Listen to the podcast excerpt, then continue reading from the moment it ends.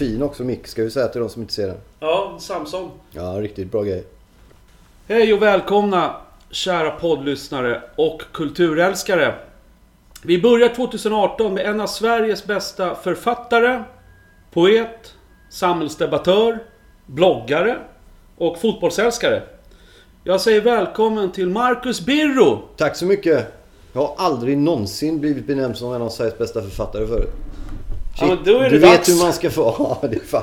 Efter 20 böcker och 25 år som utgiven. Det var fan med dags. Tack så mycket. Ja. Hur är läget denna iskalla fredag eftermiddag? Ja, men det är rätt bra. Det är lite stressigt. Jag kom lite för sent till dig, ska vi säga. Eh, men... eh, Vad har ja. du gjort idag? Idag har jag ju då gått upp va och sen skrev jag en eh, krönika om sport. Som jag precis har börjat med. Och sen skrev jag ett, en debattinlägg till Nyheter 24 där jag jobbar. Ja. Och sen åkte jag och gästade en annan podd. Och sen spelade jag in en allsvensk fotbollspodd som jag har. Du har gjort två poddar idag. Ja, och Åh, så jävlar, åkte jag det hit. var- Ja, men jag styrde in eftersom vi skulle träffas. Ja, Så tänkte jag jag kör poddagen fredag denna veckan. Liksom. ja, ja. ja. Ja, det är riktigt. Så nu är Ja. jag här. Det är kul. Ja, visst. Eh, Jag har ett, ett enda återkommande inslag i podden. Det är om det finns en koppling mellan gästen och mig. Ja, okej. Eh, Så, och den brukar jag ta direkt. Eh, Du och jag har alltid velat bli eh, författare och rockmusiker.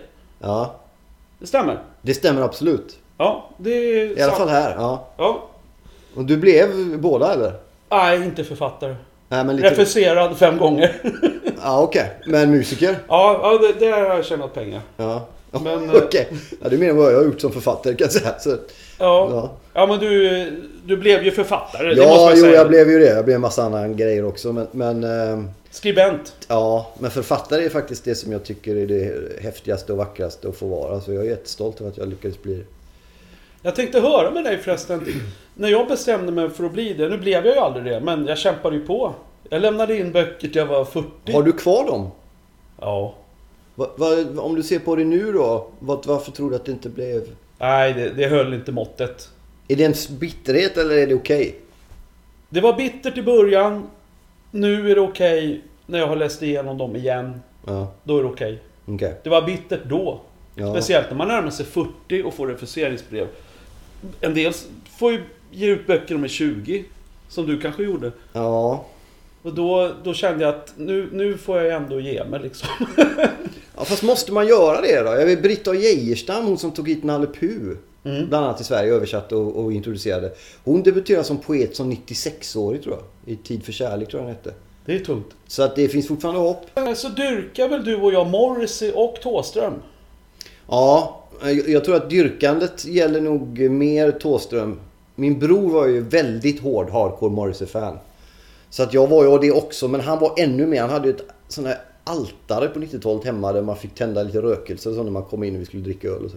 Men Thåström är det ju plågsamt stort ja. Ja, ja det är samma här. Så det var de två kopplingarna jag Jag fann. träffade, jag mötte ju honom för några veckor sedan. Jaha. Han bor i Stockholm ja. Ja, han bor i Stockholm igen. Och vi har ju haft lite med varandra att göra. Inte lika mycket som jag vill, men antagligen mer än vad han vill. Men vi har haft lite med varandra att göra. Jag Imperiet-boxen skrev Ja, den skrev Ja. jag. Det är sant. Jag skrev box, boken till den och sen har vi, hade vi en Just Strömme-gala 2003 som vi bjöd in honom dit han kom och spelade skivor lite så så, Men han vet ju om att det kan bli att jag inte kan hantera honom riktigt. Så att han håller sig alltid trevlig, alltid sympatisk, men ganska sådär. Men han hejade på mig då när jag gick med mina barn på Götgatan här i Stockholm. Och jag blev alldeles, alltså jag var, det var som att i två, tre dagar efteråt fick jag bearbeta det. Ni stannade inte och snackade? Nej, det gjorde vi däremot på Rönnells antikvariat på Östermalm. Där, vi, där jag stod och botaniserade för det är två år sedan nu.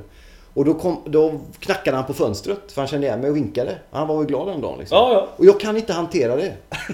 Utan jag blir ser, stressad, irriterad, arg ut. Och min första fråga till honom är vilken av dina två skilsmässor var den värsta?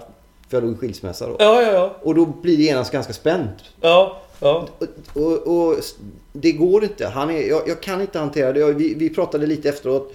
Hade min, min flickvän var med då. och Hon, jag fick sätta mig efteråt och andas mot en portuppgång. Och hon, hon, du är alldeles blek. Alltså det blir, och det är på riktigt så. Jag kan inte styra det. det är för, han är för stor liksom.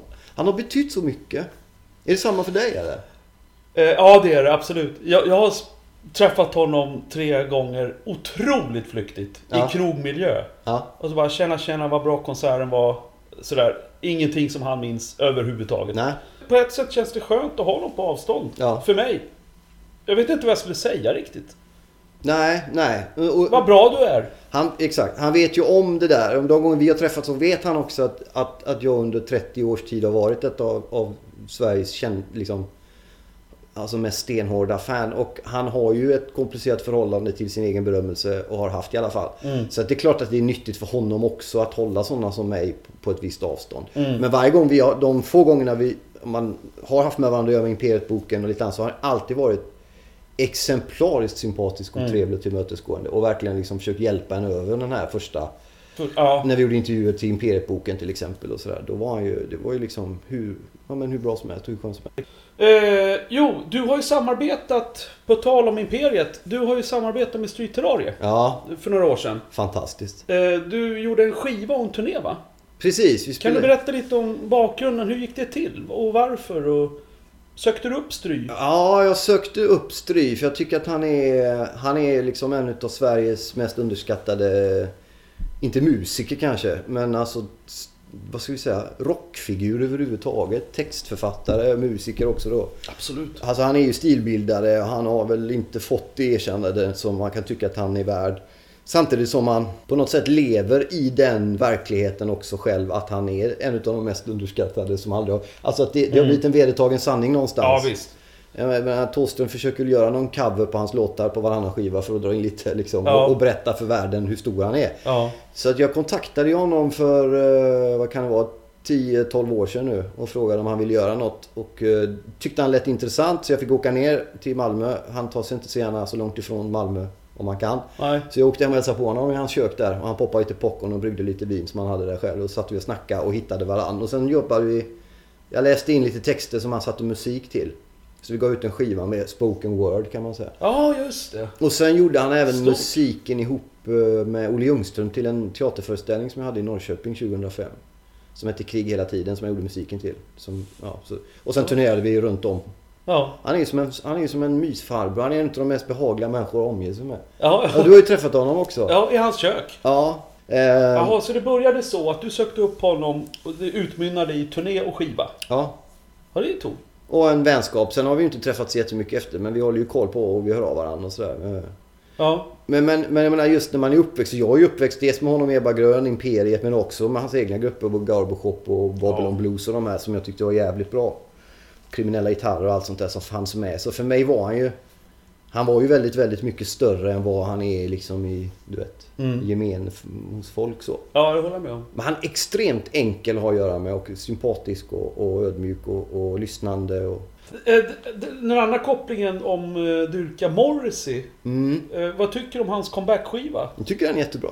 Ja, samma här. Åtta konstigt. års tystnad så släpper han uh, Lewin High School. Ja, fantastiskt bra. Jag Ja. såg ett jultal han höll också, såg du det? Ja, jag fick det av dig på Twitter.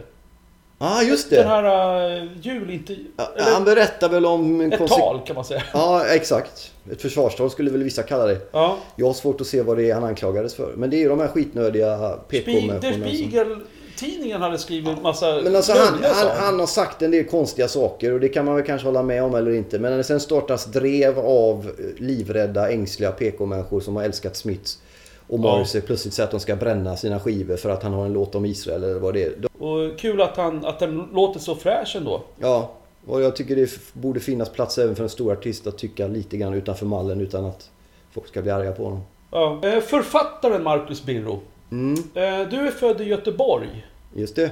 1972. Ja, det är riktigt. Hammarkullen eller? Nej, vi bodde aldrig i Hammarkullen egentligen. Peter serie hette ju det. Men vi bodde ju ännu längre bort på den där eh, tampen av spårvagnslinjen, nämligen i Lövgärdet. Lövgärdet. Man åkte till Angered och sen gick det bussar. Hammarkullen, Gråbo, Lövgärdet, Gårdsten. Så vi bodde längst bort. Om du jämför det med Stockholm. Vilken förort skulle det bli? Ja, det är ju de här ganska stökiga förorterna. Det är det? Men det är ju tidsmässigt en annan planet. Ja. Men när jag slutet av 70, början av 80. Då var det ju ett gäng finnar som satt och söp på bänken utanför tvättstugan. Det var ju den nivån det var på det. Ja. Och något knivbråk någon gång i, vid jul. I trapphuset av någon. ja. det var mycket finnar i Sverige på Ja. 70-talet. Ja men om man då ska vara lite sådär. Men det, var, det, det såg ju helt annorlunda ut liksom. Men sen så fick vi pengar. Min farsas företag började gå bättre. Jobba med kläder och så. Så i mitten av 80-talet så flyttade vi in till stan i nybyggt, en nybyggt hus inne i Göteborgs centrum. Liksom. Okej, Så hur gammal var du då? Jag var 12 då. 12 och kom in till innerstan i Ja, Göteborg? så jag, min brorsa är mer präglad av förorten än vad jag Han är ju sex år äldre. Ja. Så han är mer präglad av förorten än vad, än vad jag är liksom. Det är ett jävla lyft. Jag växte upp i en betongförort, Skärholmen. Ja, Föräldrarna flyttade in till Söder, nära Ringvägen, Skanstull, ja. när jag var 17. Vilket jävla lyft det var. ja men det är ju en glädje i det. Ja. Det måste ha känts likadant. Ja, ja, absolut. Jag var ju 12 då, men Ja. sen när jag var, blev 15, 16, 17 så var jag ju inne i stan liksom. Ja, ja visst. Eh, när. Vi pratade om det tidigare. När kommer du ihåg vilken ålder du var i när du eh, fattade något slags beslut om att författare eller poet, eller och eller poet, det är vad jag vill bli? Kommer du ihåg ungefär vilken Ja, ålder? jag kommer ihåg nästan exakt. Det var 86, då var jag 14 år och började skriva sorgsna kärleksdikter om kvinnor och tjejer som lämnade en fast man inte hade börjat hångla än. Ja. Då började jag fatta att det var något som var fel på en. Liksom. Tänkte du yrkesmässigt, jag vill skriva, jag vill bli... Inte, som att jag, inte så konkret att jag kände att, eh, men jag kände att det här är någonting jag måste göra. För när alla andra var ute och började upptäcka tjejer, killar, hångla, fester så var jag hemma och skrev dikter om det istället. Typ. Du hängde aldrig med ut? Nej, inte då. Jag Ah. tog igen det sen. Men, Ja. men eh, i början... I bör, det blev viktigare att sätta ord på verkligheten än att leva i den. Ja, Och, och då, då, Okej. det, det kom så tidigt så att det var en läggningsfråga liksom. ja. 14 var du. Ja. Och då var det dikter. Dikter och noveller och mycket så plagiat och sånt man läst och sådär. Vad hade du för eh, författarförebilder när du var 14, 15, 16? Jag var ganska brådmod. Petra hade ju tvingat på mig mycket Strindberg sådär, så det var en del Strindberg utan att man egentligen fattade exakt vad det handlade om. Mm. Men då också, redan då var det mycket Stephen King och sånt. Mm, Sen började man ju nosa på de här Lundell-grejerna och Jack och sånt. mm. Men sen var det ju också energin i musik mycket när det gällde diktskrivandet och sånt. Mm. Liksom. Men det, det, var väl, det var väl det. Vilken Strindbergs bok har du som favorit? Dåres försvarsdag gillade man ju. Ja, du För med! Det, ja. Det är min favorit. ja, men den är fantastisk. Bara titeln. Ja. Bara titeln. Han är ju så jävla förbannad. Han Ja. har ju skilt sig Ja, och vill försvara sig. ja, blir anklagad för att vara sinnessjuk Ja. och allt möjligt. Fantastiskt. En annan grej med den boken är också att den skrevs i original på franska. Jaha. Vilket då inte var hans naturliga språk. Nej. Vilket gör att när den sen översätts, den är lite lättare än många av hans andra böcker möjligen. Ja, det har du fan rätt Det är lite annat flyt i den på ett annat sätt liksom. Bodde han i Paris då? Ja, Okej. och han ville inte att den skulle komma ut i Sverige för att han tyckte att den var så arg. Just. Ja. Men, Till de yngre poddlyssnarna, En Ja. dåres försvarstal av August Strindberg. Ja. Kolla in den. Exakt. Och Närmsta bibliotek. Ja, precis. Kolla in den. Det har inget med ålder att göra. Strindberg ska man veta om man är 17 eller 117. Absolut. Okej, Strindberg, Ulf Lundell, eh, Stephen King. Ja, mycket Stephen King. Eh, kommer du ihåg då det som du fick uppleva, som jag själv tyvärr inte fick uppleva, den dagen du blev antagen av ett förlag? Ja, oh ja. Det är. Berätta om den dagen. Ja, det är... Alltså det var så... Grejen var så här. Det var... Peter hade skickat in... Vi umgicks väldigt mycket och min bror de här åren. Det här var i början av 90-talet. Ja. Och då hade... Till saken att strax före jag skulle ta studenten, 1991 tog jag studenten. Mm. Då blev jag uppkallad till min svensklärare. Ann Fridén heter hon. Kan vi kalla henne för. Eh, och hon sa till mig att eh, du kommer aldrig bli författare, sa hon. Vi hade haft ett bråk under hela säsongen. Sa svenska läraren det? Ja, du kommer aldrig bli författare för Vilken jävla påhopp. du är alldeles för burdus i ditt sätt att skriva och att vara. Hon hade inte läst Bukowski. Nej, hon har inte läst mycket alls med andra ord. Liksom. Finns det någon författare som inte är burdus? Ja. Det där kommer jag så väl ihåg så jag kämpade mot det där. Jag tog studenten. Peter hade skickat in dikter till ett förlag eh, i Göteborg då. Som heter Tre Böckers förlag. Ett stort förlag på västkusten. Din bror hade skickat in dina dikter? Nej, sina först. Sina. Ja, han skrev också Han dikter? skrev också, Jaha, han skrev också okej. dikter då, precis. Eh, och då sa han, testa det förlaget du med med dina dikter med, för de är också bra. Sa han. Och det visste jag ju att de var, så jag skickade in dem. Och då hörde hon av sig till båda och sa att vi- vi vill ge ut båda era dikter. Hur kände du då? Ja, det var, det var två, det, det var, framförallt var det revansch just mot läraren. För det här var så i närtid så nära när, den här, vad hon hade sagt in Ja, mig. ja, du var så ung när du blev antagen. Ja, jag var 19 när jag blev antagen. Boken kom när jag var 20. Det, fin- Oj, oj. det där är intressant för det finns två känslor i det. Det blir väldigt mycket eh, ego-grejer nu, men du frågade ju. Ja, ja. Det, är det, Ja, ena handlar ju om det. Ja, exakt. Det handlar om mig. Ehm, det ena är att det kändes naturligtvis alldeles överväldigande fantastiskt. Men det fanns också en känsla av att, ja, exakt. Alltså en sorts, det här är, så här ska det vara liksom. ja. Är revanschen den skönaste glädjen? Ja, då var den det. Men jag kommer ihåg när vi satt på hennes, hon bodde i Örgryte som är ett fint område i Göteborg, en villa där med stora skinnfåtöljer och böcker längs hela väggarna. Och vi var där i våra skinnjackor och luktade Baileys du vet, och Rosita allt vad Alltså förlagschefen? Ja, och vi skrev kontrakt där. Hon satt och rökte. Att skriva kontrakt på sin första bok. Ja. Det var ju som att man var... Det var, ja, det var enastående stort. Men det fanns också en, en, den här eh, pretentiösa känslan av förutbestämdhet. Att nu, nu kör vi liksom. Det, det där måste jag för dig, eller måste, men det bör ju ha varit någon slags yrkesval där. Du blir antagen när du är 19 och åker hem och skriver kontrakt hos Ja. den här förlaget. Där någonstans måste ju du ha tänkt att det här blir min väg. Ja, nu är, jag, nu är jag författare och poet. Ja, Och exakt. precis. Och Den det- känslan. Exakt. Och så tror man att nu kommer hela världen falla ner i tacksamma spasmer över att man gett ut en tunn diktsamling. Och så gör inte världen det. Eh, och, och, och det inser man ju efter ett tag. Men, men då får man ju liksom kämpa vidare. Sen hände ju det med mig efter den boken. Den kom ut våren 92. Och sen var jag, apropå vi pratade innan här, att bli refuserad och sånt där. Jag var refuserad. Jag blev aldrig refuserad i början, men sen blev jag det. Vilket också var jävligt knepigt. För då tänkte jag så här, precis som du är inne på. Nu har jag gett ut min första bok, nu kör vi. Ja. Men då började, fem år hade jag refuseringar efteråt.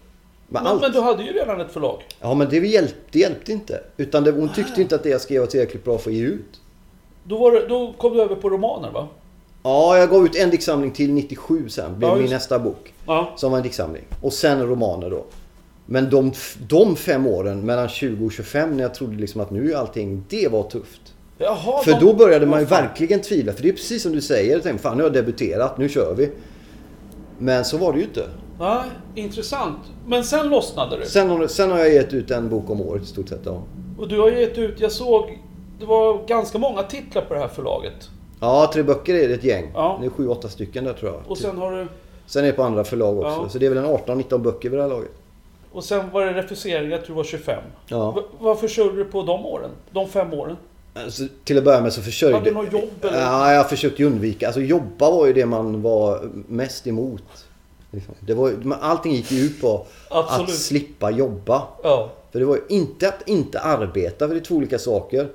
Men vi... Löneslaveriet. Exakt, på ja. ett Ebba Grön-aktigt sätt liksom. Jag, Ja. vill, jag ville att det jag drömde om skulle vara lika mycket värt som att gräva en grop och få betalt för det. Men samhället tyckte att gräv en grop istället och fyll igen den innan kvart fem-ekot så är det bättre än om du ska sitta någonstans med dina jävla...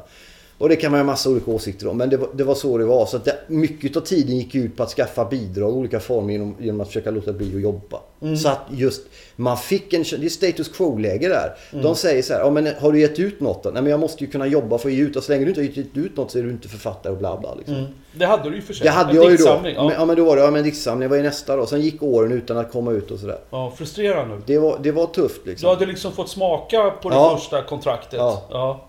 Precis, och fått bok, vi har haft release, fina recensioner och du vet, uppträdanden och åkt runt lite sådär med våra skinnjackor och våra starköl och sådär. Och så plötsligt så, så händer det ingenting mer. Jag jobb, vad jobbar jag som? ja. Kamratstödjare var ett tag.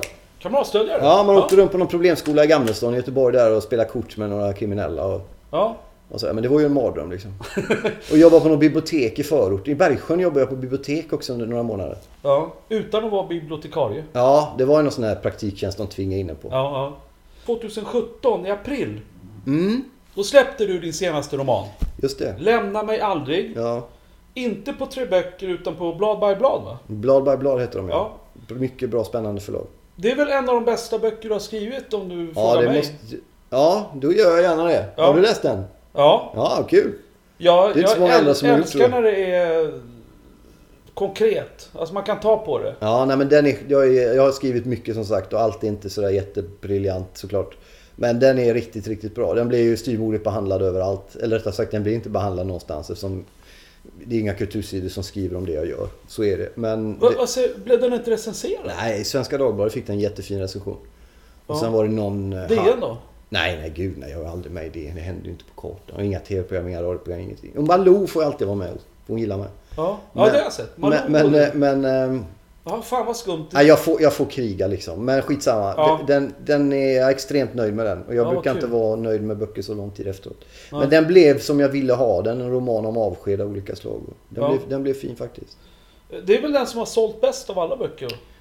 Ja, den har sålt rätt så bra. Men det, är ju några memoarer jag gav ut 2012 som har sålt väldigt bra. Ja, Och den, den läste jag. Kart. eh, Släng alla kartor. den, den läste jag Sen den där diktsamlingen... för två år sedan tror jag. Ja. Alltså det är ju en, en orgie i... Jag, jag, jag bläddrar igenom det här och undrar, alltså... De var fascinerande. Jo, Där skrev är lite om de här åren. De här Ja, fem det, det är åren. mellan 92 och 2008. Ja. Precis. Ja. Men vem är intresserad av att veta varenda år av mitt liv i 20 års tid? Jag, Dina, det är något dina fans. Jo, men då hade jag det. har jag inte längre. Jag gjorde ju mig av med alla dem när jag, när jag eh, bråkade mig ur alla sammanhang. Den kom ut 2012 ska vi säga, den där memoaren. Då stod jag Mm. ju på någon sorts medial topp. Det var väldigt mycket Vinna På Spåret och Let's Dance och var med i TV varenda jävla vecka jämt överallt. Så då hade jag mycket folk som, Mhm. som möjligen var intresserade och de köpte den där. Mm, mm. Men, men alltså det, det är ett utslag av, av någon form av grandios, mycket märklig självbild. Ja, du är självkritisk så här. Ja, men jag fem, gillar boken. Jag älskar ja. boken för att den är, den, är, den är jävligt underhållande och den var väldigt rolig att läsa. Och Ja. Det är kul att se tillbaks på när man dör sen att man har levt ett ganska häftigt liv.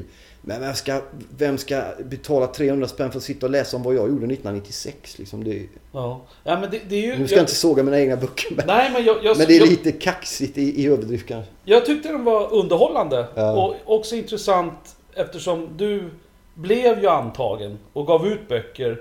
Och jag blev det inte. Jag är ju en så kallad misslyckad författare. Så jag tyckte ju boken var fantastiskt intressant. Ja. Speciellt när du skriver här. Det handlar mycket om det Hur där. ska jag försörja mig men jag vill inte jobba? Jag vill fortsätta skriva. Det tyckte jag var det bästa. Ja, Mycket intressant. ja vad bra. Tack. Sen... eh, Det var vänligt sagt av dig.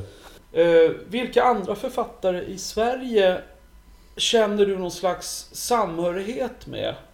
Att vi är på samma bana eller samma generation eller Nej, inte, inte generation. Inte, inte någon? nej.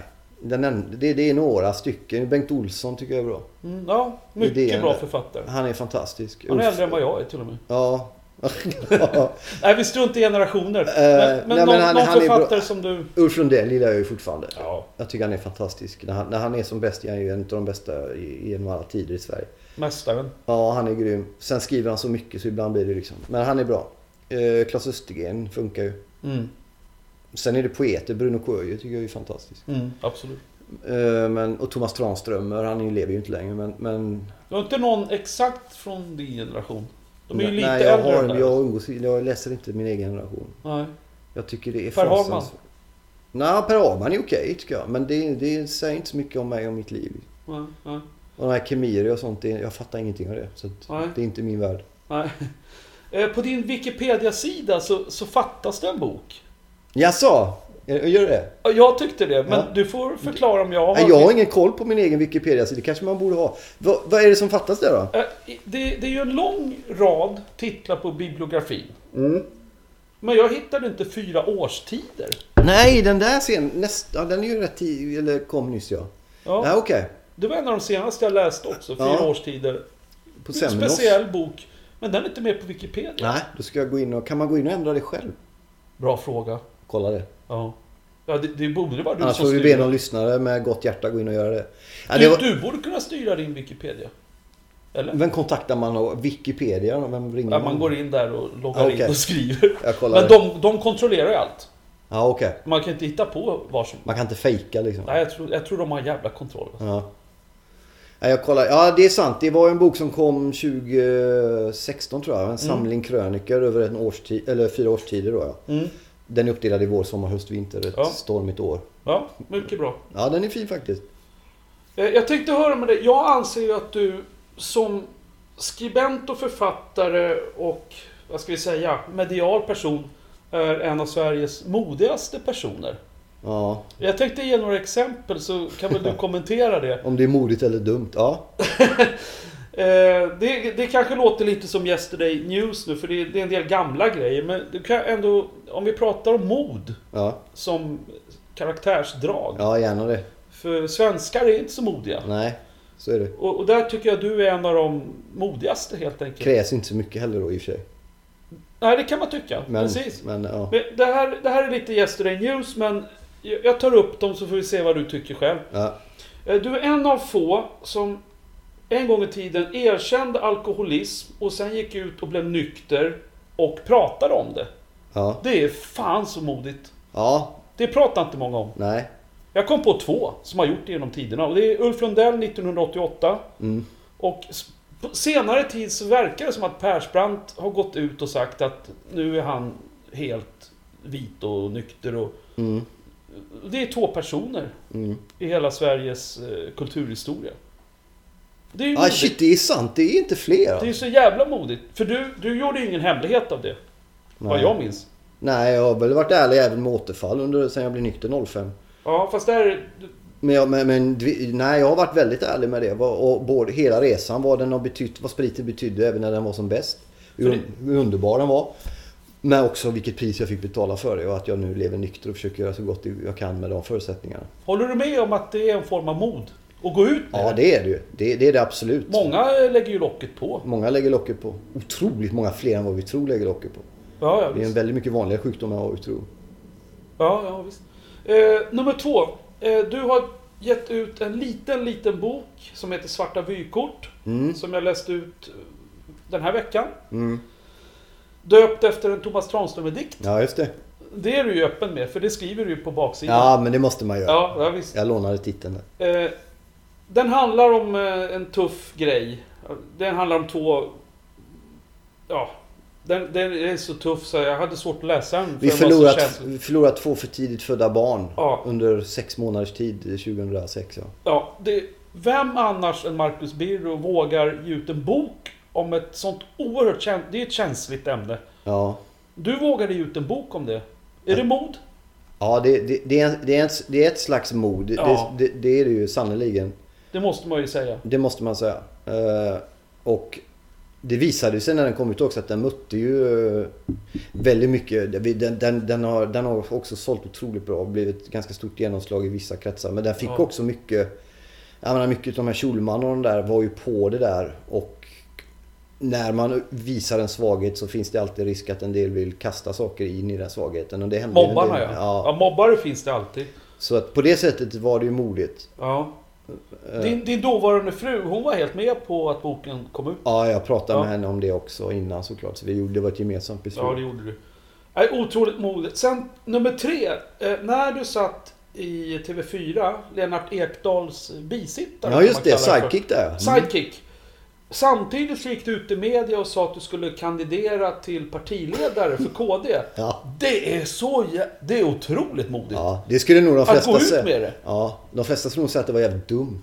Det var inte bara det att jag var sidekick, jag skulle ta över Kvällsöppet. Ja, just det. Jag ja, skulle du ta det. över efter honom, han skulle göra något annat. Så skulle jag leda programmet samtidigt som jag då fick för mig att jag skulle bli partiledare för ett parti som alla i media hatar. Ja, de då det, hatade de ju KD mest, nu är det ett annat parti de hatar lite mer. Ja, ja. Men eh, då hatade de KD för det var liksom det värsta som fanns.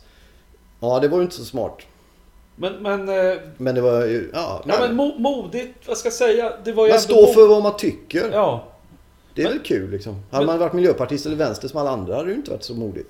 Jag tänker på... Det finns ju en som gjorde något liknande. Lars August... Vad heter han? Aduktsson. Ja, Lars Adaktusson ja. Han är ju politiker Ja, och gick från TV. ja. Skillnaden var att han hade väl lite mer grund och pondus och plattformar och eh, sådär än vad jag...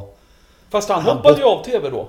Ja, det gjorde han ju. Han fick sant. inte vara kvar Nej, det har du rätt i. Och sen blev han politiker ja. Var det Rapport eller Aktuellt han var på? Ja, han var nog på någon av dem ja. Sen startade han Agenda också. Ja, det gjorde Som han. går på söndagskvällarna i SVT. Ja, just Och sen var han på slutet var han på TV8 tror jag. Ja, just det. Hade Ja. egna shower där. Ja. ja men modigt var i fall. Sista grejen, Ja. den är kanske lite enklare att det är modigt. Du ställde upp i Let's Dance. Ja. Jättemodigt. Jag skulle aldrig våga. Fast det- Jag är så kass på att dansa till att börja med. Jag håller inte med dig där. Det, måste jag, jag, Det var inte modigt. Nej, det var fel. Det är faktiskt den enda grejen som jag medialt ång... Eller ångrar gör jag kanske inte. Men jag skulle inte varit med där. Alltså. Nej. Det var ju ett utslag Men av... är det inte modigt då? Nej, ja? nej. Det är ett utslag av narcissism ärligt talat. Grejen är också att Okej. samma säsong så hade vi vunnit På spåret. I SVT. Ja, det gjorde ni. Det Det är Johanna va? Ja, Johanna Koljonen. Det, det bandas ju på hösten vinter. Sen sänds det i efterhand. Så de ringde, Let's Dance ringde mig när vi hade fest för att ha vunnit På spåret. Det får man inte säga då, men vi hade en, det var jättekul liksom. Mm. Och då ringer de och frågar och då säger jag ja och sen så, hinner jag, så blir det så. Men, men jag, Under festen. ja. Då får man säga du tackade jag i Jag var bara så jävla glad och jag, och jag kan ju inte säga varför jag är glad. Varför jag är på fest, men jag kan inte säga för man får inte berätta för någon att man har vunnit. För det kommer ju ett halvår senare i finalen. Liksom. Ja. Men, men då ringde den dagen och då sa jag ja och då, allting var, jag var ju på topp, allting var rullat på, jag tjänade pengar, det var framgång, Stockholmsflytt. Du vet, hade just vunnit På spåret och tänkte ja, när går det, det går där. Så jag tävlar ju med mig själv i TV. Varje fredagkväll, inte varje, men många fredagkvällar gick jag ju SVT med På spåret. Ja. Och så stod det över till TV4 en klockan åtta en fredagkväll så var jag där och dansade i trikåer framför Tony Irving. Liksom. ja. Ångrar du det? Att du Nej, ja? jag ångrar det. Jag ligger inte sådär någon ångest över att jag var med där, tjäna pengar och, och jag fick vara med. Jag var med en vecka längre än Björn Ranelid bara. Ja, bara en sån sak. ja han, författare som tackar ja. ja. Ja. Han ringde mig faktiskt, för han var med året efter. Och då frågade han mig, ska jag vara med här Marcus? Nej, sa jag, det ska du inte. Ja, okej. Ja, Han var ju med ändå. ja han Han har kan- med i Melodifestivalen. Ja, han har gjort allt. Men jag hade en idé om att jag skulle funka där liksom. Mm. Men man blir en del av hela det där. Nej, det var inte min grej. Jag, jag skulle inte varit med där. Det är ganska bra betalt va? Det var, väl, det var bra Ja, betalt. så det är jag får, därför de får, de får ju gäster som du då. Ja, men man kan säga nej ändå. Ja. Då hade jag kunnat säga nej faktiskt. Ser du dig själv som en modig människa? Nej, eh, För det här har jag räknat upp nu. Ja, men jag, jag- jag är en jävla fegis. Det kan jag erkänna. Fast du har ju en podd där du bjuder in en massa människor som du inte känner hem i ditt eget hem och får sitta i sin soffa och prata. Ja, det är det- också modigt på ett sätt. Ja, tack ska du ha. Tack. Ja. Men dina bedrifter. Fast jag, jag liksom- ser hellre, det där är väl några av dem är modiga, det håller jag med om. Den här svarta vykort och det blir jag jätteglad över. För det, det, är, ju, det är ju modigt. Sen är jag väl, har varit också modig i vad jag har valt att skriva om. Hur jag har valt att skriva om det och när jag valde att skriva om det. Ganska tidigt. Ja, Och har fått betala ett jävligt högt pris för det. Och det, det är okej, det är bättre än vad det har varit. Så det är fine liksom. Ja. Men jag, jag, jag sätter en ära i att jag riskerar något med det jag skriver. För det tycker jag man ska göra. Ju större plattform man har, ju mer ska man riskera något med det man skriver. Annars ska man ju fan i det tycker jag. Jag tycker du är en av de bästa bloggarna nu för tiden. Du är på 24. Ja, Och sen har du ju på din hemsida också lägger ut. ja Och precis. Twitter. Och för det första så har du ju en fingertoppskänsla över att som man själv ibland tänker. Nej, man, som jag tänker ibland. Mm. Eh, Du skrev någonting alldeles nyligen om eh, polischefen. Ja, Eliasson ja. Mm. Ja, och jag, jag är en sån där som, jag ser ju alla veckans brott sen start. Mm. Och han har ju varit med där Mm. också. Och försvar, han får ju alltid sitta i försvarsposition. Men dina inlägg, eh, om man ser, man ser dig som en samhällsdebattör. Mm. Så tycker jag alltid du fång, För det första fångar du någonting som jag själv tänker. Därmed inte sagt att hela Sverige tänker som du och jag. Men jag tänker ofta som du. Mm. Hur länge ska han ha på sig den här clownnäsan liksom? Mm. Eh, och sen så skriver du också väldigt kontinuerligt. Ja. Du lägger ut varje, Varje vecka. nästan, ja. ja. på Twitter är du nästan varje dag. Mm. På 24 är du väl varannan va? Mm. Ja, jag har väl någon, något blogginlägg. Det är några i veckan tror jag. Ska det vara i alla fall. Ja, nå- några i veckan. Ja. Precis. Jag tycker du, du, du fångar samtiden på ett bra sätt. Håller du med om det? Ja, det tycker jag ju. Om jag får vara lite sån. Och det är jag glad över att jag får göra det. Trots att jag inte då får vara Nyheter 24 som den heter är ju en något marginaliserad. Den är väldigt många som följer men det är en ganska ungdomlig sida. Den är inte alltid mitt i bruset. Det är inte Aftonbladet, Expressen, Sveriges Radio direkt utan den är lite annat. Men som den här podden och du är ett levande exempel på. Det mediala landskapet är i total rörelse hela tiden. Det går att hitta plattformar även Mm. utanför de stora mediehusen. Vi har ett, en bit därifrån där jag var i en åtta år på Expressen. Eh, som inte ligger så långt ifrån där vi är nu. Ja, det, du ser.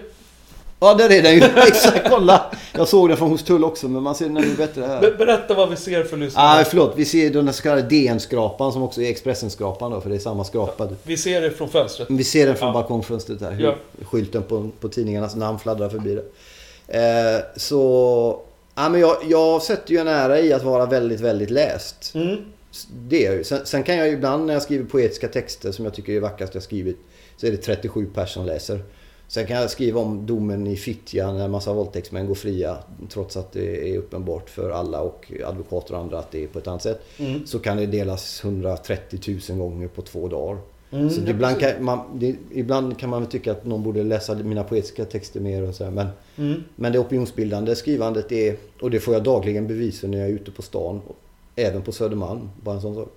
Att det jag skriver berör folk och att de, att de är som, som du säger, att de håller med eller Mm. uppskattar. Också folk som inte alltid håller med ändå uppskattar att man är modig att skriva om det. Mm. Och då blir Då man kommer också in på glad. mod. Ja, det är, Ja. ja. men det är modigt. Ja. Därför att många är så, är så otroligt fega. Alltså på det här Jenny Strömstedt-aktiga sättet. Ja. Att de stora med stora plattformarna, och det är inget fel på stilistiskt och de är jätteduktiga. Men de vågar ingenting. De, de är så jävla rädda för att, för att hamna snett att de inte skriver om någonting. Så när man bläddrar så har man glömt vad de har skrivit. Och och jag, jag vill inte bli en sån människa. Liksom. Nej. Personligen gillar jag dina grejer som du lägger ut. Speciellt när det handlar om kriminalitet och, och sånt som jag har intresserat mig för länge. Ja. Eh, och sen Alexander Bard ibland. Jonas Gardell ibland. Mm. Men det är fan inte många som skriver direkt från hjärtat. Nej, det är De inte flesta det. är lite smårädda som du säger. Nej, de flesta är skiträdda. Ja. Och, och skriver vad som förväntas av dem och sen så umgås de med samma människor och sen är det liksom man får inte trampa snett och alla... Ja, det, det, det är en, det är en eh, otrolig ängslighet. Vad, vad tycker du om en gammal eh, antagonist? Eh, Alex Schulman har ju en krönika i Expressen. Han, Mm. han köptes ju över till Expressen. Han var ju på Aftonbladet länge. Ja, Allting har ett pris. ja. Vad, vad tycker du om hans krönikor? Jag läser dem inte.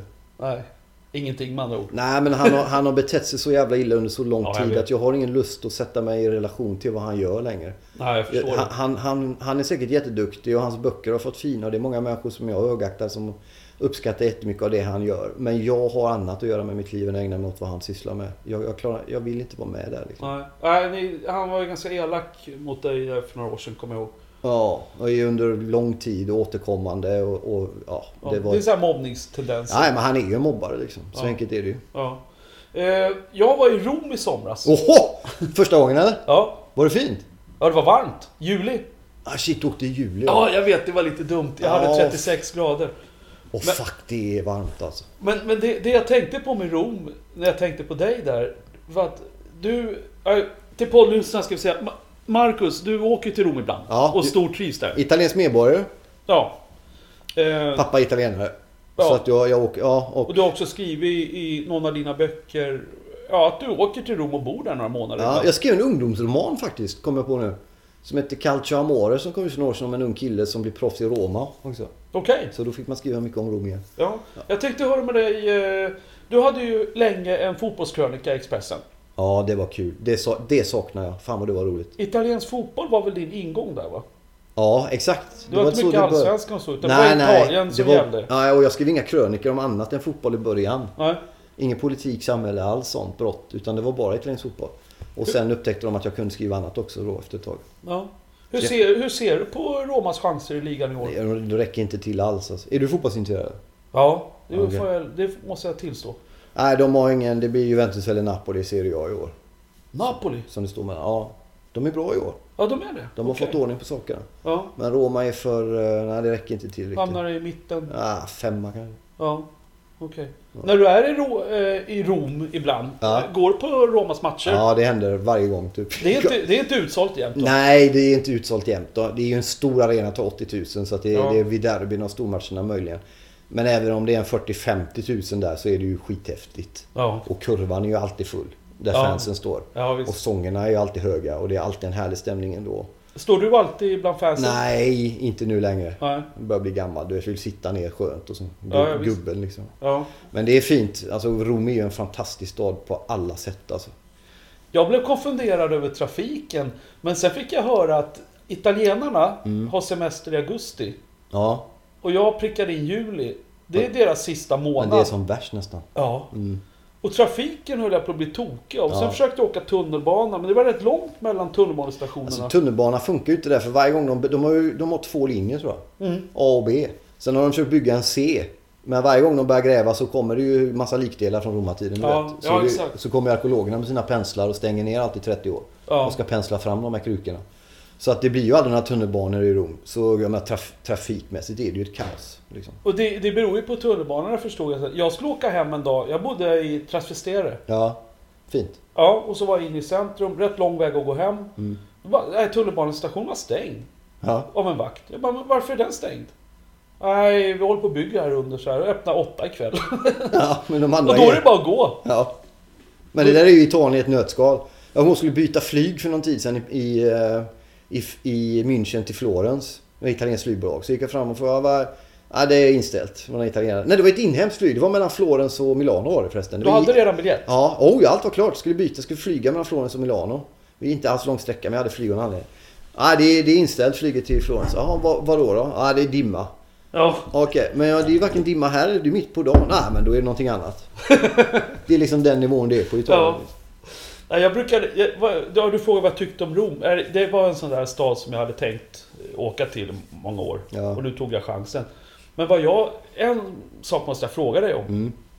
Jag upptäckte ju snabbt... Eh, längs den här floden Mm. så är det ju jättefina gångvägar och cykelvägar. Tibern, ja. Ja, ju, och där är det ju inga bilar såklart, för det är ju... Bilvägarna är ju här uppe Ja. och sen är det flodvägarna. Och där gick jag varje dag och Mm. trivdes förträffligt. Mm. Men där Vad var det inga människor. Nej, vad roligt att du säger det. För har jag Varför skri- går en, de inte där? en av de sista krönikorna jag skrev för Expressen. Jag måste säga också att många fantastiskt fina år på Expressen. Jag har gnällt så mycket på dem. Men, men jag hade faktiskt väldigt många bra år. En av de sista var just att ha löprundor där nere. Ja, För det är det inte många som gör. De Nej. fattar inte det. nej, jag såg knappt någon människa överhuvudtaget. Nej, nej, nej. Kom det någon så var det någon som löpte. Ja, möjligen någon, men inte Ja. som det är här i stan i Stockholm. Det är Nej. många fler. Varför går inte Romborna längs... Jag kallar det för flodvägarna, jag vet inte Ja. vad jag ska kalla det för. Gångvägar längs floden. De har ännu hemligare vägar de går när de ska mellan vissa punkter. Ja, de har det va? Ja. Så det- Eller så kör de vespa eller bil. Ja, mest Vespa är nog smartast Ja. när köerna kommer. Jag var så fascinerad. Jag stod på balkongen på hotellet i Trastevere uttalas det va? Ja, Trastevere. Traste, ja. Och, och till, Otroligt fint område förut. ja, jag gillade det. Mysigt. Det var precis vid en bro som gick över in mot stan, om man säger. Ja, Jag var så fascinerad över att fast klockan var halv ett på natten, ja, samma trafik. ja. Den, den avtog Ja, liksom nej. inte. Här i Stockholm Nej. blir det så här, ja nu är klockan 12, då är det lite lugnt. ja. Var det full spruta Ja. 12 på natten. Åt alla håll ja, också. åt alla håll. ja. Och det fascinerade mig. Men, när du, ja, men nu förklarar du det här med tunnelbanorna. Då blev det lite tydligare. Ja, det är ju på- deras sätt att ta sig fram. Det är hoppa in i bilen eller in i en vespa. ja. Det är det enda som finns. Vad är det du älskar mest med Rom? Att, man, att, att allt som jag tycker är viktigt även är viktigt där. Alltså du slipper hockey och längdskidåkning på TV. Det är bara fotboll. Människor är trevliga, mm, tillmötesgående, servila, glada. Man kommer bli sån själv. Jag vet inte vad som är hönan och ägget där, men något är det ju. Det är maten, kulturen, fotbollen, kyrkorna, museerna, konsten. Hur man flyttar sig när en äldre kommer. Att någon ler mot en för att man gör det. Det är så mycket liksom. Det är som... Klimatet. Ja, klimatet är ju fantastiskt. Du har varit där på vintern också har jag förstått. Ja, oh ja, det är ju underbart. Juli var inte den smartaste Nej, juli är stökig månad. Ska du Ja. åka då är det bättre augusti för då är det nästan tomt i jämförelse. Ja, för då har de semester. Ja, då är de ute vid havet alla, eller i bergen. Liksom. ja, ja. Eller på vintern. Vintern är underbart. Du kan Ja. ju sitta ute i 10-15 grader i solen mitt på dagen. Med liksom... Ja. På tal om fotboll förresten. Mm. Vilken svensk anser du har gjort störst succé i Italien genom tiderna? Det finns ju några stycken. Jag skulle nog säga Nisse Lidholm. Ja, han var ju stor. Alltså det är svårt med de här Gren och. Alla tre var ju gigantiska. Men Lidholm blev kvar där. Ja. Han blev tränare va? Ja. Ja. Han var tränare i... Han vann ligan med Roma bland annat 84. Och sen var han även i Milano och en del andra ställen och sådär. Men just att han blev kvar i Italien. Han var en länk mellan Italien och Sverige. Han var nog viktigare för Sverige i Italien nästan än tvärtom. Sen har ju Zlatan under åren han var i Italien betydde han också mycket för, för eh, ja, både för Italien, italiensk fotboll i Sverige men också för Sveriges syn på Sverige i Italien och så. Ja. ja. Nisse Lidholm och Zlatan. men i den ordningen tror jag. För Zlatan, han har väl några ligaguld? Han har ligaguld med både Inter, Juventus och Milan där. Ja, det är rätt stort. Det är gigantiskt. Jag tror han var skytteligan också något år. Ja. ja Nisse Lidholm, det, det var en legend. Men det, det, ja, han var ju det. Och han var inte bara en legend som spelare utan han var som människa också. Och i Italien så, så, så är det fortfarande så att som, hur du är som människa betyder väldigt mycket för ditt renommé och eftermäle. Inte bara hur bra fotbollsspelare du är utan hur, hur, ja, vilken typ av människa du var. Du vet, i de Ja. små sammanhangen eller i möten med fans och, och hur civiliserad du var och, och sådär. Det betyder mycket och där var Lidholm var ju en, en gentleman genom hela sin karriär och genom hela sitt liv liksom. Ja. Så han var enormt älskad och uppskattad i hela Italien. Du sa att du var idag och spelade in en fotbollspodd. Mm. Vad, vad har du för kanal ut idag Nu har angående jag- dina fotbollskunskaper? Jag leder en podd som heter Studio Allsvenskan som är en av Sveriges fem eller tio, lite beroende på vecka där. Ja, jag såg det. Största poddar när det gäller fotboll faktiskt. Ja. Men då är programledig jag och så är det andra som kan mycket om Allsvenskan. Jag kan inte så jättemycket om det. Gör, gör lite marknadsföring. Vilken dag sänds den? Den kommer varje tisdag och ibland varje fredag. Den kommer lite oregelbundet men minst Ja. en gång i veckan. Och det är Studio du och en till va? Det är tre till. Henrik. Det är flera fotbollsexperter på Nyheter 24. Henrik då. Ryd. Nej, det är en annan. Han heter Henrik Eriksson den här killen. Så vi pratar väldigt mycket om, om den inhemska, det är bara inhemska fotboll. Inhemsk fotboll. Och sen startade Svensk jag en ny fotboll. podd i Ja. veckan som, som gick. Jaha, Ja, en ny podd. ja. Eller denna veckan som det här sänds i startar jag en ny Du podd. har Fotbollspodden och din egen. Ja, då blir det Birros sportpodcast. Där jag kommer möta Tre poddar. ja, personligheter inom sportens värld. Både utövare Fan vad kul. Kan Ja, inte du det är intervjua. Björn Borg då? Åh herregud, det är Om jag är gammal tennisspelare. Ja, om du har hans mobilnummer. Nej. Nej, jag kan skaka fram. Jag känner... Det är den största delen av jobb med podd för er som lyssnar, att jaga folk. Eller Ja. Det tar tid. Eh, ja, Men men- Björn Borg. Ja, det hade varit fint. Ett ställe som heter Oddsbaren också, en bettingsida där, där jag Ja. får jobba lite. Där var de alpint idag som jag tycker är kul. Så Okej. jag försöker att skriva om annat än bara Francesco Ja. Totti igen. Finns det någon ny Stenmark alpint i Sverige? Nej, jag kollar bara på dam. Mikaela Shiffrin är ju Ny kär i, Anja liksom. Persson? På? Bara Mikaela Shiffrin åker så är jag glad. Liksom. Ja. Ja. Men den har jag. Sen har jag haft den här Upp ett hjärta som varit en intervjupodd. Vi får se hur det går med den. Men, men eh, Det var väl också din egen? ja, jag hade den ihop med en kille som heter Micke Strandberg. Ja, just det. Så Ja. vi var två som intervjuade folk där. Och i Radio Birro intervjuade Det var bara jag. Ja. ja, men du hade gäster Den var som din ungefär. Ja. Ja, precis. Radio Byrå. hade jag kröniker och så träffade jag Gurra G Gurra. G, Maus Kocko Ja, var där, det. Thomas Ja. Ledin. Det var väldigt mycket fint folk. Alex Schulman var där. Vad, vad i Sveriges samhällsklimat idag eh, stör du dig mest på? Glappet mellan media, den mediala, politiska och kulturella eliten och folket. Och det för- Glappet? glappet däremellan. Och det förakt som eliten har visat folket genom alla år. Genom att och fortsätter göra. Senast häromdagen i TV där man ska prata om fake news och vem som står för riktiga nyheter och vem som är bättre än de andra. Och, Var det på opinion? ja, precis. Ja. Alltså hela den grejen är... Var kommer fake news ifrån? Alltså man kan ju inte bara uppfinna en nyhet som inte finns. Det är ju ett medialt krig, ska jag säga för de som inte är mitt i det. De kanske inte upplever det som ett krig. Det är kanske ett överdrivet ord. Men Nej, det finns en tydlig konflikt mellan etablerad och oetablerad media. Med etablerad media tappar i andelar i förtroende och i tillit och i en massa saker. Och alternativ oetablerad vinner. Och för att behålla sina positioner så använder etablerad sin, sin makt som man fortfarande har. Sitt goda Ah, renommé, sin okej. position och säger att vi är bättre på det här än vad de är. De där är bara liksom... Ja, ja. Det är så de försöker legitimera sitt eget existensberättigande nu. Och de kör Ah, det racet och de har kört det racet. ja. Men utan alternativ media, och det finns mycket skit på alternativ media, framförallt i högerkretsar finns det fruktansvärt mycket skit. Men utan den påtryckningen så hade etablerad media aldrig skrivit om det de hade skrivit om nu. Därför att det, det fanns en... Förr fanns bara liksom två, tre morgontidningar, två kvällstidningar, en tv-kanal, eller två. Och så några radio, där allting sades. Och allting som inte sades där, det fanns inte. Och det som sades, det var sant ja. Men nu när det är liksom allt det där har ändrats och man ser att de har inte, men när man pratar om integration till exempel, vissa andra saker som tidningar inte har skrivit om under 30 års tid. Plötsligt så öppnas det locket och det bara väller ut. Och äntligen får folk tycka, äntligen får folk berätta om sin verklighet. Äntligen får människor som lever i de här utsatta områdena, som drabbas av det som händer, berätta om sin otrygghet. Sen kan Henrik Schyffert åka runt i sin Ferrari på Kungsholmen och mumla om hur jävla trygga vi ska vara.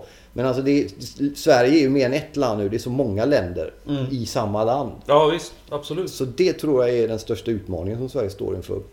På Ja. politiskt plan liksom. Hur ska vi göra för att hålla ihop det här landet liksom? Ja, ja det, det är ju en otroligt svår fråga.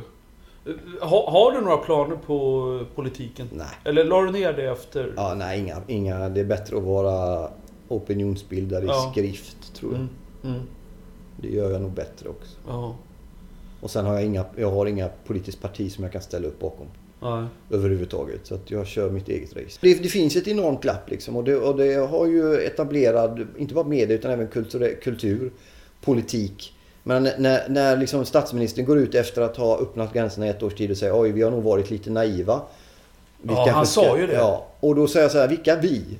Ja, Men människor har, har tyckt att men vänta lite, vi måste, kunna, liksom, vi, vi måste kunna säga det här om hur det blir när ni öppnar era hjärtan och allt det där. Vi, vi måste kunna se att det kanske kan bli problem med det och det och det här. Men vi vill fortfarande att Sverige har tagit emot mest flyktingar per capita ihop med Tyskland eller vad det är de sista åren. Det är ju alldeles fantastiskt. mm, Det är så det ska vara. Ja. Men allt, till slut går det inte längre. Det kan bli bety- fullsatt. Ja, exakt. Och det betyder inte att, att landet går från en, liksom från en dag till en annan. Att, Ja, vi ska, nu kan vi inte ta emot fler. Därför är alla rasister plötsligt.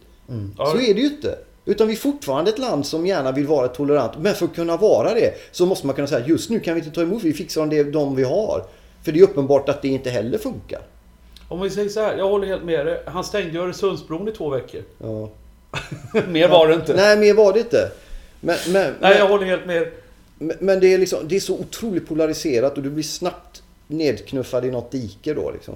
Alltså otroligt musikintresserad men ganska nischad på samma gamla grejer. Ja, eh, på tal om du gjorde en turné med Stryde. Började du när du var tonåring att spela något? Nej, Var det sångare du ville bli? ja, jag ville bara vara sångare. Ja. Bara för att stå längst fram och få tjejer liksom. Det var ju det det handlade om. Ja, ja, det är det nog för många sångare. Ja. Problemet var att vi hade en jävligt snygg trummis. Ja, Så vi, men vi hette The Christer Petterssons. ja det skriver de också i Ja. den här kartboken. Precis, min brorsa var med också där och så var det några till. Och Morgan som var trummis var snyggast. Men då löste vi det genom att vi hängde en stor backdrop. Du vet sån där som man hänger längst då. Mm. Bak scen, Ja, för ja, de som inte vet. Med en bild på Christer Pettersson och så satte vi Morgan bakom den. Ah, Bara för att liksom... Han var snyggast. Han var snyggast. men du, du fortsatte aldrig som rocksångare? Nej men det är ju det som du var inne på där då. Det vill jag ju. Det var ju det vill jag bli före författare. Ja, Men jag kunde ju inte. Jag var ju för dålig. Kort sagt. ja, ja okej. Så att det blev, jag blev ingen rocksångare. Vi, vi har den här frågan som alla poddgäster har fått. Ja. Eh, kommer du ihåg, eller kommer du ihåg, vilka är dina tre absoluta favoritalbum Mm. genom alla tider?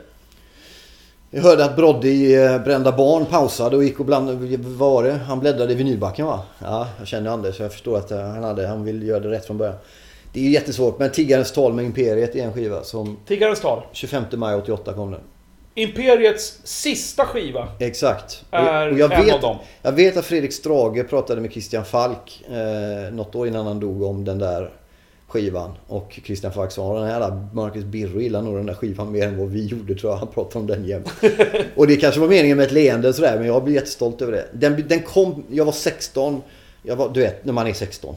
Eh, man tror att hela livet går att förklaras med ett par Dr. Martens-gänger liksom. Vilket det gör för övrigt. Det är en kanonplatta om du frågar mig med. Ja, den är så bra och där är Ja. John Idiot med som han fortfarande kör live. Ja. Bland annat. Och Du är religion och en del andra bra låtar. Ja, som eld och sånt. Så den betyder väldigt mycket. Sen måste jag ju ta God's Own Medicine med The Mission eftersom... Ja, The Mission ja. Alltså Wayne Hussey har jag ju också jobbat med. Ja, det skrev Vilket jag i också är stort. Ja. Alltså sångare i The Mission, gitarrist i Sisters of Mercy. Vi har turnerat faktiskt två turnéer och en skiva ihop också. Det är stort. Ja, det är om, han, om stort. han nu var en legend för dig, Ja. så åker du på turné med honom. Ja, det var helt episkt. Ja. Så den måste ju få vara med. Sen är det något svårare men det får nog bli Floodland med Sisters of Mercy då. Jaha, okej. Vilket är en fullständigt bisarr skiva som kom 87 med Andrew Eldridge och Patricia Morrison. Ja. Ingen aning vad den handlar om. Det Var så... Wayne Hussey kvar då? Nej, han hade lämnat då. Ja, okej. Så det är bara droger och du vet folk som sträcker upp armarna och längtar efter katter och vad det texterna handlar om. Det är helt obegripligt. Okej. Jag har ägnat 30 år i olika mentala tillstånd för att lista ut vad den handlar om och jag har ingen aning om vad den handlar om. Nej, texterna. Den, nej, det är så mycket droger alltså. Ja. Jag gillar ju det här mycket smala, svettskimrande män i slokhatt och solglasögon. Ja. Som står i grönt motljus och mässar obegripliga textrader till tolvsträngade gitarrer. Ja. Det är ju vad man vill ha liksom. Ja, ja visst. Och det har jag ju levt på i 30 år. Eh, Marcus Birro säger alltså Tiggarens tal, Imperiet. Ja. Eh, God's Own Medicine, The Mission. Ja, och, Sister som... Ja, The Sisters of Mercy. ja. Det måste jag säga, alla de där tre plattorna du räknar upp. Ja. De gick varma på Ritz, en rockklubb i Stockholm. ja. Jag, var på, jag var på Ritz. 86, 87, 88. Var du och såg Imperiet sista där? På Ritz? Ja. Det gick inte att komma in. Nej, jag vet. De hade... Jag såg dem på Grönan på sommaren. Ja. Eh, och det var ju deras sista stora. Det här på Ritz var väl lite mera in... eh, Ja, det var polarna typ. Och så... Var du där? Nej, Nej. jag var, såg Thåstens första solo på Ritz året efter. Ja, det var jag fan? med. Då Ja. var vi där samtidigt. Ja, En söndagkväll. just det. Ja. Precis. Fan, vad kul. någon jävla discolampa kommer Fan, jag vad bra det var. Ja, det var riktigt bra. Han bara gick in och röjde. Peter Puders på gitarr. Ja, exakt. Den här Coffee Benchy Enchil hette någon där. Basisten ja! Ja, som Just- dog av ett getingstick sen. Ja. En Och- tung svart, eh, eller färgad basist som var en av de bästa basister jag sett. Ja, han var riktigt... Han bara stod och smattrade och Ja, log. Exakt vad han gjorde.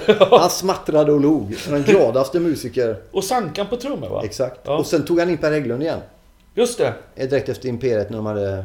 Det gjorde han ja. Jag är en idiot handlar nog om, Ja. om det bland annat. Ja, Vi pratar om Thåströms första solokonsert i Stockholm. Just det. Någonsin måste det bli. ja. Första soloskivan kom augusti 89 och sen var han på turné. Ja. Så var det. Eh, och sista frågan Marcus. Mm. Dina tre bästa konserter du har sett? Ja, det är ju svårt.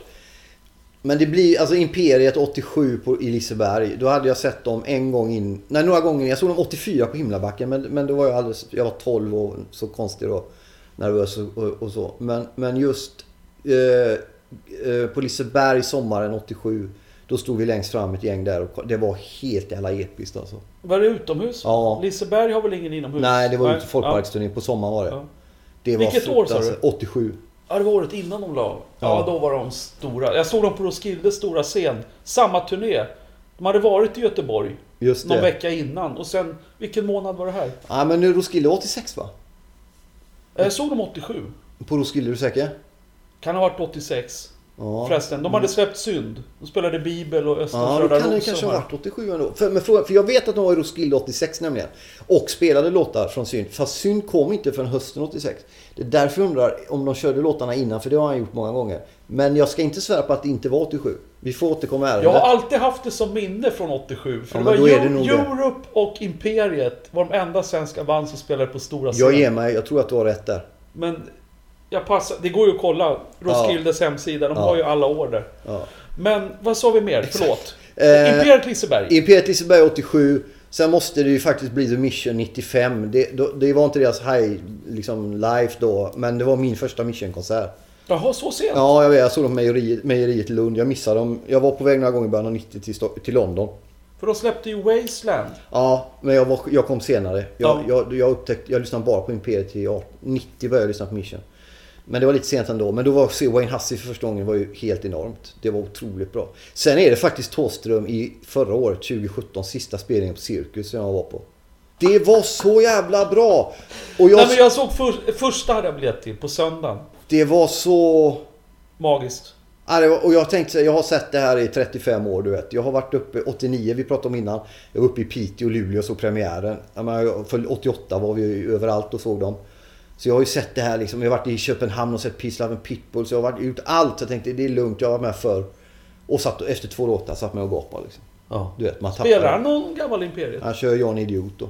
Inte var vargen. Nej. Nej. Någon Ebba? Di Mauer kör han. Han kör den fortfarande? Ja. ja. Det finns en, vi ska säga det till de som lyssnar nu, Thåström-nördar, en, Facebook-sida man kan söka sig fram till på, på Facebook. Mm. Sen finns det någon som heter Carl von Starkenberg, där, tror jag, på YouTube.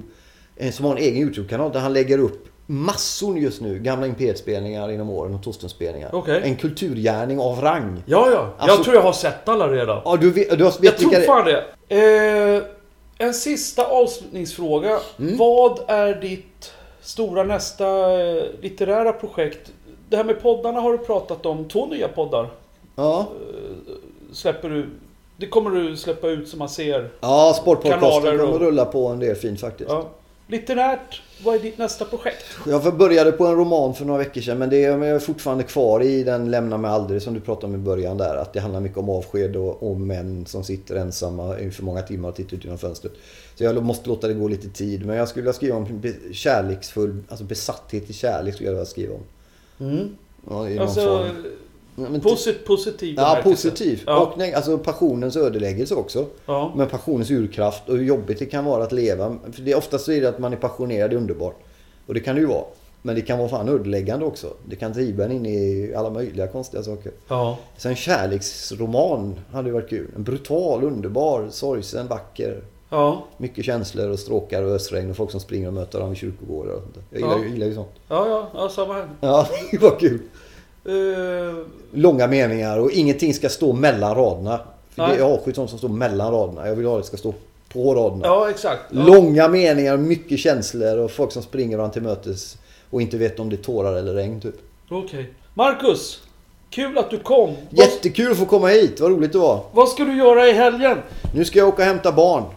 Och så ska jag vara med dem hela helgen. Vi ska spela lite fotboll och kanske gå på något museum eller något sånt där. Ha lite Ja. kul.